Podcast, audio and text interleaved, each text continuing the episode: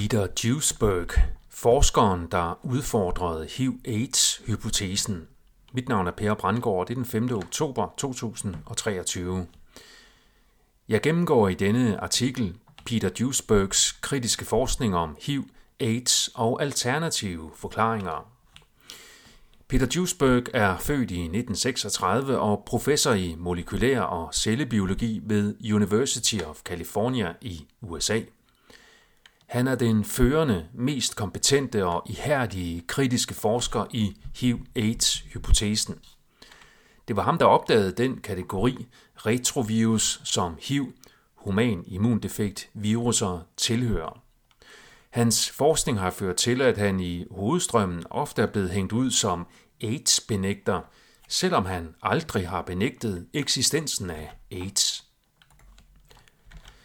Den herskende fortælling om HIV-AIDS er som bekendt, at HIV er årsagen til AIDS. Den herskende fortælling er, at der ikke er andre årsager til AIDS end HIV-smitte og infektion. Baggrunden for Duisbergs kritiske forskning er, at det kræver en særlig type evidens at nå frem til den konklusion, at et nyt virus er årsag til en ny sygdom. Spørgsmålet er derfor, hvorvidt konklusionen er baseret på videnskab eller politik dengang og i dag. Historien om forholdet mellem HIV og AIDS dengang minder om historien om forholdet mellem SARS-CoV-2 og covid-19 nu. HIV og SARS-CoV-2 er de påståede virusårsager til de påståede sygdomme AIDS og covid-19. Det er karakteristisk for både AIDS og covid-19, at der ikke er nogen klinisk definerende karakteristika. Både AIDS og covid-19 kan omfatte mange forskellige symptomer, som i forvejen har andre medicinske sygdomsnavne. AIDS er således den diagnose, man får, hvis man fejler noget, næsten uanset hvad, og samtidig er HIV-positiv. På samme måde får man diagnosen covid-19, hvis man fejler noget, næsten uanset hvad, og samtidig er SARS-CoV-2 positiv. Jeg vil i denne artikel fokusere på Peter Duisbergs forskning og ikke de politiske aspekter. Jeg vil blot nævne, at Anthony Fauci har haft to højdepunkter i sin karriere. Den første var HIV-AIDS, den anden var SARS-CoV-2, covid-19. Peter Duisbergs første kritiske studie blev publiceret i 1989. Den videnskabelige artikel argumenterer for, at forholdet mellem HIV og AIDS er en korrelation og ikke et kausalt forhold. Med andre ord, HIV er ikke dokumenteret årsag til AIDS, men en faktor, der korrelerer med sygdommen. Duisberg skriver blandt andet, og jeg citerer, i USA og Europa korrelerer 95% af AIDS med risikofaktorer, såsom omkring 8 års promiskuøs mandlig homoseksualitet, intravenøs stofmisbrug eller hemofili, blødersygdom. Citat slut. Artiklen redegør også for, at HIV kun er fundet i 40% af AIDS-tilfældene, og at det har været nok til at skabe hypotesen om, at HIV er årsag til AIDS. Det var denne forekomst på 40% HIV blandt AIDS-syge, der gjorde, at dette nyopdagede virus blev tildelt navnet HIV. Professor Duesberg forklarer, at man besluttede, at HIV er årsagen til AIDS, selvom evidensen ikke opfylder Kochs postulater – som er de klassiske videnskabelige krav til dokumentation af kausalitet. Frit virus kan ikke måles i de fleste tilfælde af AIDS.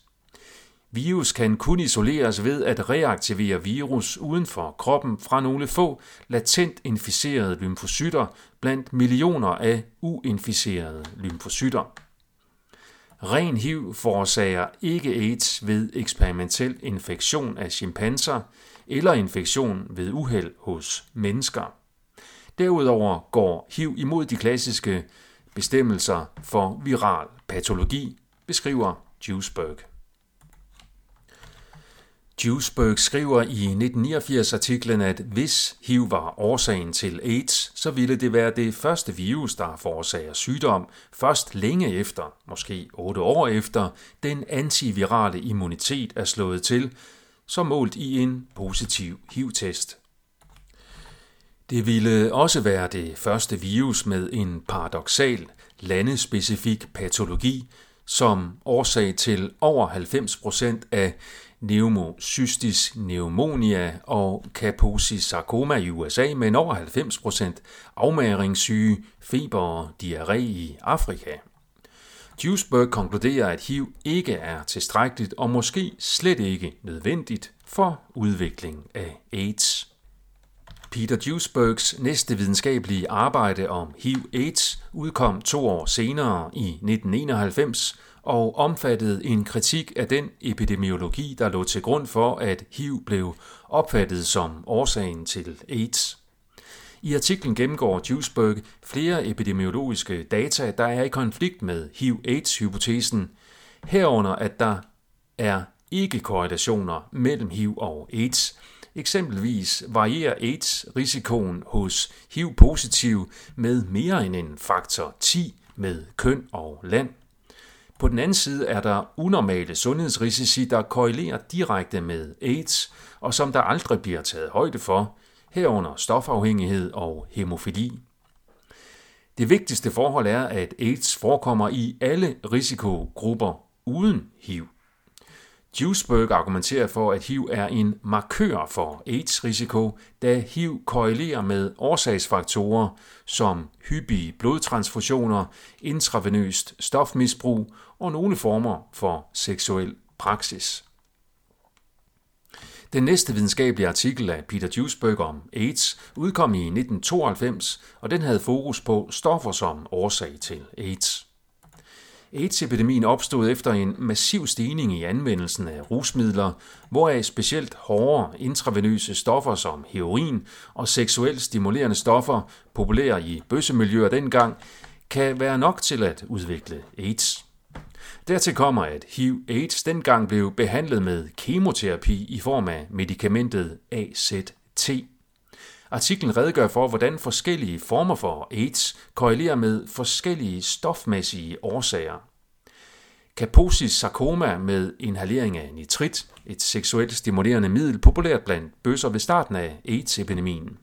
Tuberkulose med intravenøst stofmisbrug og leukopeni, anemi og kvalme med AZT. Det betyder, at AIDS-epidemien blev forstærket af den medicin, der blev anvendt til at forebygge AIDS blandt HIV-positive.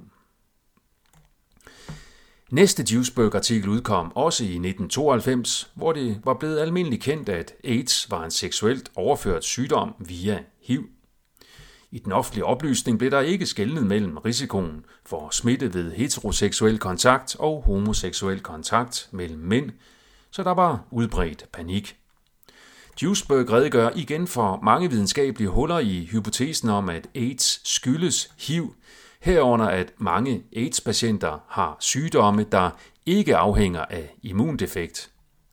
Mere end 100-fold forskel i risikoen for AIDS blandt forskellige HIV-positive risikogrupper viser ifølge Duisberg, at HIV ikke er tilstrækkeligt for udvikling af AIDS, ligesom AIDS optræder i risikogrupperne også uden HIV.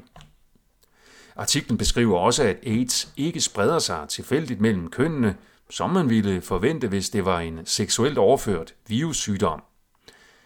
Artiklen fastslår, at stoffer er nødvendige for, at HIV-positive udvikler AIDS, og tilstrækkeligt i sig selv til, at HIV-negative udvikler AIDS. Det drejer sig om stoffer både i form af rusmidler og som anti-HIV-medicin. Duisberg skældner mellem europæisk og amerikansk AIDS på den ene side og afrikansk AIDS på den anden side. Afrikansk AIDS skyldes ifølge artiklen proteinfejlernæring, dårlig hygiejne og som følge heraf infektioner med parasitter. 10 år efter hypotesen om, at HIV er årsag til AIDS blev fremført i 1984, udgav Duisberg 10 år senere, i 1994, endnu en kritisk artikel, der udfordrer HIV-AIDS-hypotesen. Artiklen beskriver, hvordan den herskende hypotese primært er baseret på korrelationer mellem tilstedeværelse af antistoffer mod HIV og AIDS. Duisberg påpeger i artiklen, at den hypotese er baseret på, at man systematisk ignorerer HIV-fri AIDS. Artiklen lister en række videnskabeligt baserede forventninger, der skulle kunne iagtages, hvis den herskende HIV-AIDS-hypotese er sand, og som ikke er blevet iagtaget. I den næste artikel fra 1995 argumenterer Duisberg for, at AIDS blandt blødere ikke skyldes HIV, men et fremmed protein, der svækker immunforsvaret. I den anden artikel fra det år beskriver Duisberg, hvordan den første medicin mod HIV-AIDS, acidothymidin, AZT, er yderst giftig for menneskeceller. Den tredje 1995 artikel af Duisberg med kolleger er baseret på en reanalyse af San Francisco Men's Health Study. Den viser, at HIV-infektion er en stærk prædiktor for stofbrug. HIV-positive respondenter havde således et gennemsnitligt stofbrug, cannabis talte ikke med, gennem livet, der var 2,3 gange højere end HIV-negative respondenter. På samme måde var forekomsten af stofbrug 2,0 gange højere blandt homoseksuelle end heteroseksuelle. I Duisbergs sidste artikel fra 1990'erne leverer han endnu en sønderlemmende kritik af AIDS-indsatsen. Han beskriver blandt andet, at den gigantiske AIDS-litteratur ikke kan tilbyde en eneste signifikant gruppe af stoffri AIDS-patienter fra Amerika og Europa. Duisberg specificerer årsagen til AIDS i Amerika og Europa som værende to grupper af stoffer. Rusmidler, såsom kokain, heroin, nitritinhalanter og amfetaminer, og anti-HIV-stoffer. Konsekvensen er, at AIDS ifølge Duisberg er en ikke smitsom sygdom. En af årsagerne til, at der på trods af intens forskning endnu ikke er udviklet en effektiv vaccine mod AIDS, kan være, at AIDS ikke skyldes HIV. Det er en af betragtningerne i Duisbergs næste artikel fra 2003. Duisberg og kolleger argumenterer for, at AIDS er en samling af kemiske epidemier, der skyldes rusmidler, anti-HIV-medicin og fejlernæring. HIV er blot et passenger-virus, der rejser med andre faktorer, uden at være årsag til sygdom i sig selv. Den alternative hypotese kan forklare, hvordan AIDS-epidemierne rent faktisk har udviklet sig rundt omkring i verden. Duisberg og kollegers sidste artikel om emnet udkom i 2011 og havde overskriften, og jeg citerer, AIDS since 1984, no evidence for a new viral epidemic, not even in Africa. Citat slut. Artiklen fokuserer på at modargumentere en påstand fremført i hovedstrømmen i 2008 om, at HIV har dræbt 1,8 million sydafrikanere ved stabil rate på 300.000 per år, og at anti-HIV-medicin kunne have reddet 330.000 af disse. Modargumenterne omfatter demografiske data om befolkningsudviklingen i Sydafrika, Uganda og Afrika syd for Sahara i det hele taget, hvor der har været stor befolkningsvækst på trods af høj forekomst af HIV. Duisbergs forskning udgør en vigtig modvægt til den opfattelse af HIV-AIDS, der stadigvæk er herskende i lægefaglige kredse i dag. Duisberg har i interviews udtalt, hvor svært det har været at få finansiering til kritisk forskning, Hvorimod, hvis man gik ud fra, at HIV var årsagen til AIDS, så var det let at få penge til sin forskning. Det tyder på, at HIV-AIDS-forskningen fra starten har været drevet af politiske og ikke videnskabelige og folkesundhedsmæssige interesser. Det er muligt, at SARS-CoV-2, covid-19, principielt set er en gentagelse af systemet bag HIV-AIDS med politiseret sundhedsforskning.